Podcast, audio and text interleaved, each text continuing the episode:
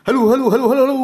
Assalamumikum warahmatullahi wabarakatuh. Waalaikumsalam warahmatullahi wabarakatuh, Bung Arif. Dengan Arif para pemirsa. Iya, dengan DMZ di sini. Saya ditemani oleh Bung DMZ.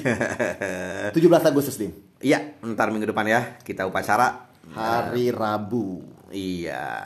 Dan Ada yang mau dibahas? Berita bagusnya adalah timnas Indonesia sepak bola U16 kita juara. Oh, di AFF. Wih, luar biasa ya. Ya lumayan lah. Setelah berapa tahun dapat juara? Nggak tahu. Tapi U16 lah, Kayak AFF juga. Terus Tapi lumayan lah, kado ulang tahun. Iya.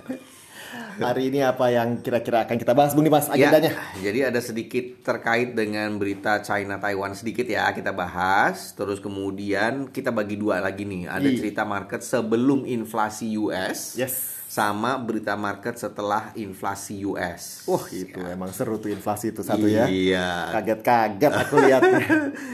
Gitu. Terus ada berita dalam beberapa dalam negeri ya, tapi eh, eh, Berita base- dalam negeri, ekonomi dan non ekonomi. Iya. Market dan non market. Iya, yang menarik ya. Menarik sekali. Oke, lanjut. Kita langsung let's go. Ting tung. Ya. Jadi basically ya Bung Arif ya. Ya. eh, kalau minggu lalu kan kita mention eh, gua mention itu IHSG pergerakannya itu di antara 7000 sampai 7150. Hmm, lewat Dim. Enggak dong. Oh, masih ya? Ya, tapi memang sangat tergantung dengan eh, data inflasi US. Ya. Tapi ujung-ujungnya IHSG gua ya nggak jauh-jauh lah Bung Arif ya. Gue seneng nih kita kalau udah mulai ngeles-ngeles alus. Enggak bener. Oh benar. Bener. Kenapa mesti ketawa gitu tapi Gitu. kayak gue jadi curiga. Tapi yang yang me- menyakitkan adalah, Adalah? US rupiah. Hmm. US rupiah bergeraknya sebenarnya ya tadi ya sebelum data inflasi US ya benar sesuai masih masih Hmm. Oke. masih benar lah. Tapi setelah data inflasi US itu penguatannya lumayan tajam. Oh memang, memang. Ya, memang, jadi memang. ntar ki- apa dari IHSG pun kalau secara mingguan itu memang di awal-awal minggu masih bergerak menguat turun, menguat Iya. turun. Ya seperti yang gue bilang lah, dia memang beritanya cukup positif tapi eh, ada banyak juga berita negatif gitu. Jadi penguatan dan memang nggak terlalu eh, banyak bisa menguat turun lagi. Ya. Tapi yang salah satu yang menopang IHSG Bung Arif itu adalah banyaknya IPO memang. Minggu-minggu IPO ya? lalu. Oke. Dan IPO itu banyak yang ditanda kutip digoreng ya Ya. harga harga harganya tuh agak-agak langsung naik Hmm. gitu kan Jadi Nah. eh, same thing sama si bonds. Mm-mm. Itu bonds ya ngaku. Kok saya kan langsung ngaku orangnya kan. Kok saya langsung ngaku. Kemarin kita ngomong di 7,1 bawahnya. Hmm, Ternyata 6,9an. Malah Terakhir sempat eh, intraday-nya di bawah 6,9. tapi kan itu setelah, Setelah inflasi, inflasi dan US. sebelum inflasi. oh sebelum inflasi juga Sebelum tembus? inflasi udah di 71 ke bawah juga. oke ya ya ya. Ternyata ya udah jadi ya. Iya, nah, kalau- kita ambil pelajaran, ambil Iya. pelajaran bahwa eh, di di minggu-minggu terakhir inilah ya, minggu ini, minggu lalu, tiga minggu lalu di saat cerita-cerita Fed rate, di saat cerita-cerita inflasi lokal maupun di Iya. US, itu betapa cepatnya orang langsung melakukan repositioning. ya ya dan memang. itu cepat sekali gitu. Hitungan dua hari tiga hari repositioning gitu. Kelihatan dengan uh, langsung tiba-tiba uh, yieldnya bonds yang 10 tahun Indonesia nyungsrep gitu kan. Hmm, belum lihat lagi yang rupiahnya tiba-tiba angkanya udah melejit melejit ya. gitu. Nah jadi uh, di bawah berapa sekarang nih Eh, 14 di bawah 14700 ini di oh iya benar 14 680-an Iya, nama 80 Padahal target gue pikiran 850, 950 Nggak ada deket-deket. Tapi Tapi kan, nah kan enak kalau diomongin gitu Tapi ya segi gue masih bener nih Bung Are oh luar biasa apa yang Iya. terjadi sama IHSG jadi Ya tadi, jadi uh, eventually IHSG itu ditutup di 7129 menguat 0,51 persen. Hanya segitu ya, mengingat bahwa sebenarnya beritanya cukup bagus dari inflasi US. betul Gitu. Tapi memang uh, bergeraknya volatile sekali. Jadi sempat uh, menyentuh 7150-an, turun lagi gitu kan. Dan ya itu tadi, memang uh, kebanyakan itu memang udah naik gara-gara IPO, terus kemudian IPO-nya sukses, banyak yang profit taking IPO gitu. ya, Dim, ya? Mm-mm. Terus data-datanya sebenarnya ya itu tadi. Secara data ya memang kalau misalnya kita teman-teman lihat podcast minggu lalu memang ada berita positif tuh di akhir minggu. Terus eh, ya makanya marketnya juga agak cenderung naik. Tapi ya begitu naik orang juga udah realize bahwa eh, oke kayaknya udah cukup nih gitu profit taking aja. Jadi sekarang memang modenya apa yang bisa diambil ambil. Betul. Jadi makanya kayak misalnya di bonds kan gue kejadiannya kan adalah waktu uh, sebelum sebelum inflasi. Hmm. Sebelum inflasi kan emang orang-orang kan lebih lebih lihat uh, untuk pelan-pelan lightening position, Yeah. lightening position gitu kan. Nah, habis lihat si uh, apa namanya inflasi ini. Nah, jadi dorongan itu minggu lalu itu adalah semua data-data yang related sama inflation itu Yeah. Data-datanya adalah mengarah pada inflasi easing. Ya, Ya, mereda. tekanan- tekanan-tekanan inflasi ini sudah akan mereda. Ya. Walaupun tadi malam itu pas gua lihat di eh, apa CNBC ya, CNBC apa eh, Bloomberg TV gitu, itu masih ngomongnya eh, ini bener nggak sih kejadiannya nih stoknya naik, faktornya sudah benar atau belum? Gitu. Karena memang ya tadi dua hal yang mempengaruhi inflasi itu kan yang sangat disorot adalah gandum ya yang dari Rusia sama oil. Hmm. Yes. Oil itu Tapi bukannya udah turun di Iya makanya, oh, bang tadi yang Bung Ari bilang tanda-tanda inflasi easing ini ya itu dari dua itu Hmm, indikator. oh iya, betul, betul, betul. Oil yang tadinya udah turun, udah di bawah 100 kan udah dua 90 minggu ya. lah kurang lebih ya, udah dua minggu itu di bawah 100. Hmm. Kemudian minggu lalu juga udah pengiriman gandum dari Ukraine ya itu juga sudah mulai ya, walaupun ya ya ya kita lihatlah perkembangannya ke depannya. Dia sudah aman, Dik? Belum, belum juga. Belum juga ya? Belum, belum. Tapi intinya oil sama gandum itu eh, sudah mulai ada perkembangan. Makanya Ya. inflasinya diperkirakan easing Hmm, gitu. Nah, sebelum kita ke data inflasi US itu juga ada data yang, eh, berita yang menarik dari China Taiwan itu Bung Arif. Ya. Jadi eh, seperti yang kita tahu bahwa setelah si Pelosi datang, Pelosi ya, Pelosi, Hmm. Pelosi, Pelosi. Itu kan China meradang intinya Oh, gitu ya. ada Banyak tenggorokan latihan. langsung dia. Terus Nah itu terus dan gue pikir kan cuma se- sehari dua hari gitu kan. Nah itu di tapi awal dia cuma marah-marah teriak-teriak doang, Dik. Betul, karena kan yang seperti gue bilang bahwa China itu sekarang dalam kondisi yang tidak baik. Hmm. Jadi ya tapi eh, lumayan eh, lumayan rutin dan lumayan eh, panjang itu Hmm, latihan militernya dan itu kayak seakan-akan eh, apa latihannya itu di sekitar Taiwan deket-deket kayak menandakan bahwa ini dalam sekejap sebenarnya gue bisa nih ngambil Taiwan. Betul. Intinya kayak gitu. Kayak Rusia sama Ukraine aja sebenarnya gitu loh. Jadi kalau jadi kalau dia bilang kalau nyasar dikit rudal sorry ya. kan lo tahu kita lagi latihan katanya. iya, jadi dia kayak burung bangkai sedang mengelilingi Iya, iya, iya, orang-orang iya, iya. yang sekarat gitu intinya kayak gitu ya. Itu kalau menurut kalau politically emang menyeramkan ini cerita ini ya Dim ya. Ternyata betul. ya. Bukan Tapi- hanya latihan ke Indonesia kan latihannya kan bersahabat banget Iya. sama Australia misalnya kan. Sama US juga Sama kita US. sering gitu. Hmm, hmm. Nah, itu lumayan tensinya masih tinggi tuh di awal minggu gitu. Walaupun di akhir minggu itu mereda karena katanya China akan memulai proses reunifikasinya dengan cara Woi, damai. ngeri nih. Katanya Oh, begitu. dengan cara damai. Hmm. Atau mungkin nunggu Rusianya beres dulu ceritanya. ya bisa jadi atau ya itu tadi eh, kalau mengingat cerita China itu kan panjang ya kita udah pernah bahas di eh, pe- podcast sebelumnya Iya. dan itu yang mungkin juga mempengaruhi kebijakan-kebijakan China juga eh, terkait dengan eh, politik luar negeri gitu Eh, cerita Indonesia sebentar, Dim. Eh, ini berita di nggak ada nggak ada ada datanya itu Bung Arif. gue baca headline-nya aja pokoknya. Eh, ini ternyata kan gue sempat tanya sama lo, Hmm. ini data di mana sih adanya gitu kan? Di kalender nggak ada. Ternyata ini adalah survei, Survei survei dari Bank Indonesia. oke Nah, jadi Bank Indonesia itu me- me- apa bilang bahwa eh, hasil surveinya itu adalah retail sales itu apa? Penjualan retail ya. Hmm. Data penjualan retail itu naik 4,1 persen secara tahunan di bulan Juni. Hmm. Itu lebih rendah dibandingkan estimasi 15 persen, Hmm. 15,4 persen. Nah, sekarang diestimasi Hmm. eh, penjualan retail ini akan naik ke 8,7 persen secara tahunan year on year di bulan Juli ya disupport oleh uh, higher sales uh, baju-baju uh, oh ya uh, bensin minyak lah ya spare part dan aksesoris. Jadi secara retail sales uh, penjualan penjualan retail ini sepertinya meningkat.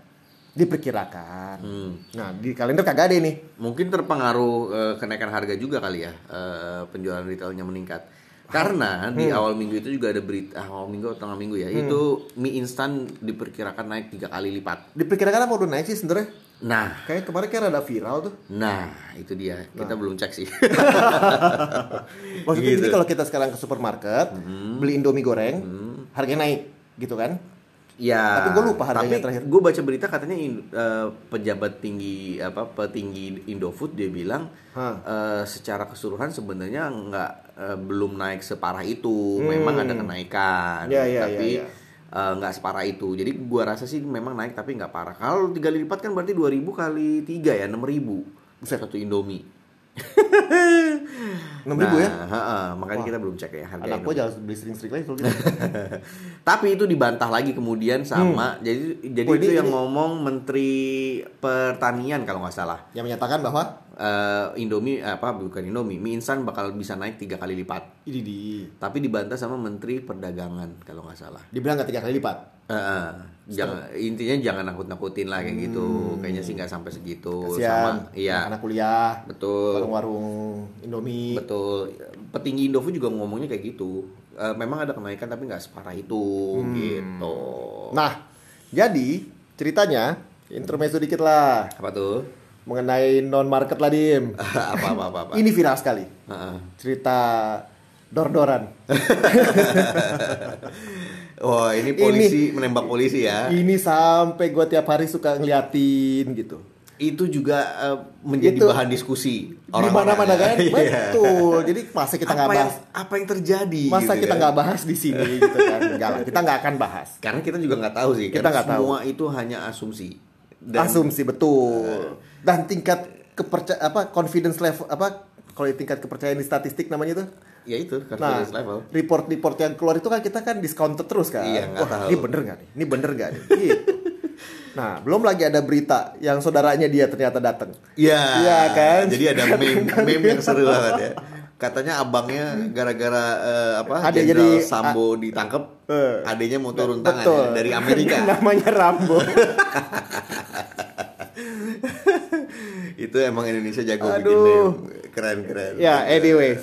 itu Tapi- intermezzo. iya. Tapi memang ini berita menarik sekali sih. Menarik. Menarik sekali. tidak mempengaruhi market memang Memang enggak. sampai saat ini tapi ada juga dari US yang mirip-mirip kayak gini Bung Arif Hah? Tembak menembak polisi? bukan tembak menembak tapi eh, FBI me apa tuh raid eh, Oh. rumahnya Trump Oh iya, betul. merit, merit apa namanya? Eh, apa ya dia search warrant Search- dia melakukan eksekusi search warrant Oh. eh, terhadap salah satu Menggerebek. menggerebek Ah, menggerebek. menggerebek kesannya kayak lagi ngapain gitu Emang iya menggerebek. Makanya kan Trumpnya kan agak ngambek tuh. oh iya Ya dan kan? dia sempat Dan dia diperiksa. bilang loh, rumah saya digerebek. ya Dia untung, ngomongnya gitu. untung dia nggak punya Twitter kalau nggak panjang juga tuh Twitter gitu Itu juga cerita baru tuh. Eh, ceritanya lanjut lagi tuh Elon Musk tuh. Kenapa? Masih dikejar-kejar suruh beli Twitter. Terakhir. Iya, jadi eh, si Trump itu eh, lumayan eh, Ini yang ini ini ini ya. campaign ya, Dimi? enggak juga. Jadi eh, Dia cuma bilangnya kan dokumen rahasia yang dokumen dicari rahasia. gitu kan. Ternyata katanya berhubungan dengan senjata senjata nuklir atau senjata-senjata baru dari Amerika. Gue Oh. kira Yang masalah harusnya- kampanye kemarin. Enggak, bukan yang yang ini ya, yang Capitol Riot itu ya. Hmm. Bukan, bukan. Ini terpisah lagi kayaknya terkait dengan senjata rahasia Amerika. Either nuklir atau memang ada senjata baru yang dikembangkan yang Hmm. harusnya nggak boleh keluar dari Gedung Putih. Tapi Gitu. ada di tapi di villanya bawah. dia apa? Nama villanya Villorama. Eh, Ah, bukan. tahu lupa. Wells Fargo, eh Wells Fargo lagi. Ada Apa Fargo ago-agonya ada ya. ago-agonya. Nah itu menarik juga, walaupun nggak mempengaruhi market. Oh, enggak, enggak, enggak. Kita- Tapi mengakibatkan salah satu pendukung Trump itu menyerang markas FBI. Ah, serius? Iya, satu orang masuk, terus abis itu keluar lagi, dikejar, terus kayaknya meninggal deh. Eh, Gampang amat. Tiba-tiba meninggal. Iya, tapi Nah. itulah makanya teman-teman ya dalam politik tuh nggak usah yang sampai begitu-begitulah. Kita nggak mau bikin edisi politik ya? Dim? Mau yuk. Ya, kita- Nanti. Cari ahlinya dulu. Eh, ya, kita ngobrol biasa aja, nggak belum tentu bener. Dan tidak mencapai konklusi. Cuma ngomong aja. Iya, jadi itu dua hal yang menarik ya teman-teman ya. Nah, lanjut ke market eh, itu kita masuk ke inflasi US ya. Inflasi US itu setelah ditunggu-tunggu, tapi sebelum inflasi US ada China juga. China itu eh, inflasinya juga ada naik dari 2,5% ke 2,7%. Nah, itu yang gue mau tanya lu kemarin. Itu tapi kan nggak sesuai ekspektasi 2,9%. lebih tinggi. Lebih rendah dari ekspektasi. Tapi Dari itu nggak gerakin market kan?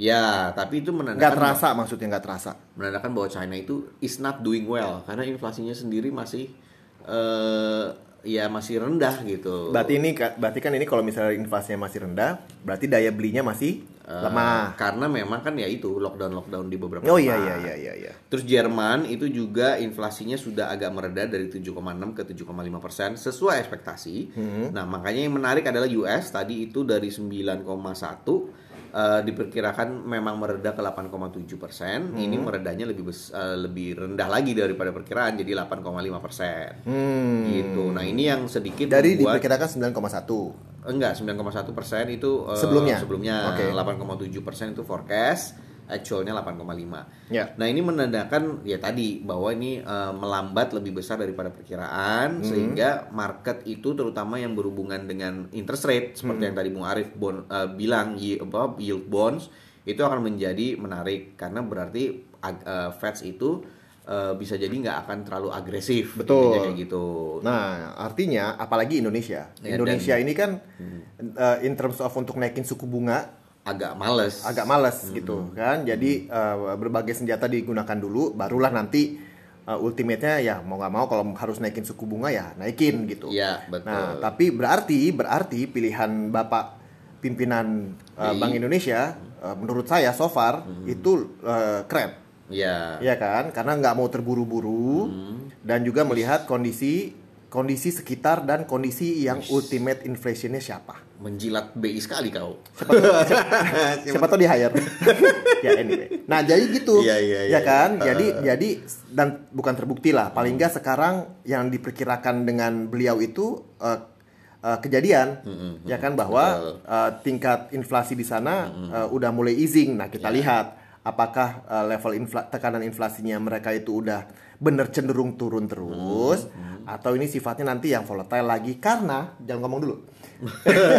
gue mau ngomong lagi menyimak. gue udah gue udah ngeliat aja. muka lu udah ke depan gitu soalnya jadi kayak ngomong-ngomong tadi malam itu di TV survei memperkirakan tekanan inflasi akan kejadian di 2023 nah gue nggak tahu lagi itu Oke. Tapi kita bicara yang tadi dulu ya. Jadi memang eh, dengan ini berarti diperkirakan spread antara suku bunga Indonesia dengan eh, US itu nggak selebar yang diperkirakan.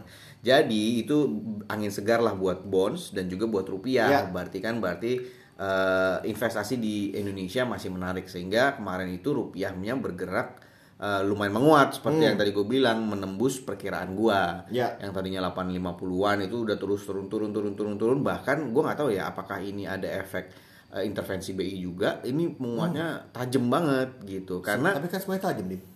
Eh tapi kayaknya langsung loncat-loncat gitu loh Bung Ari pergerakannya gitu. Gua kayak katak. Gua takutnya bukan takutnya ya gua kayak misalnya gini. Eh, sekarang itu eh, inflasi di Indonesia kan sangat dijaga sekali kan. Ya.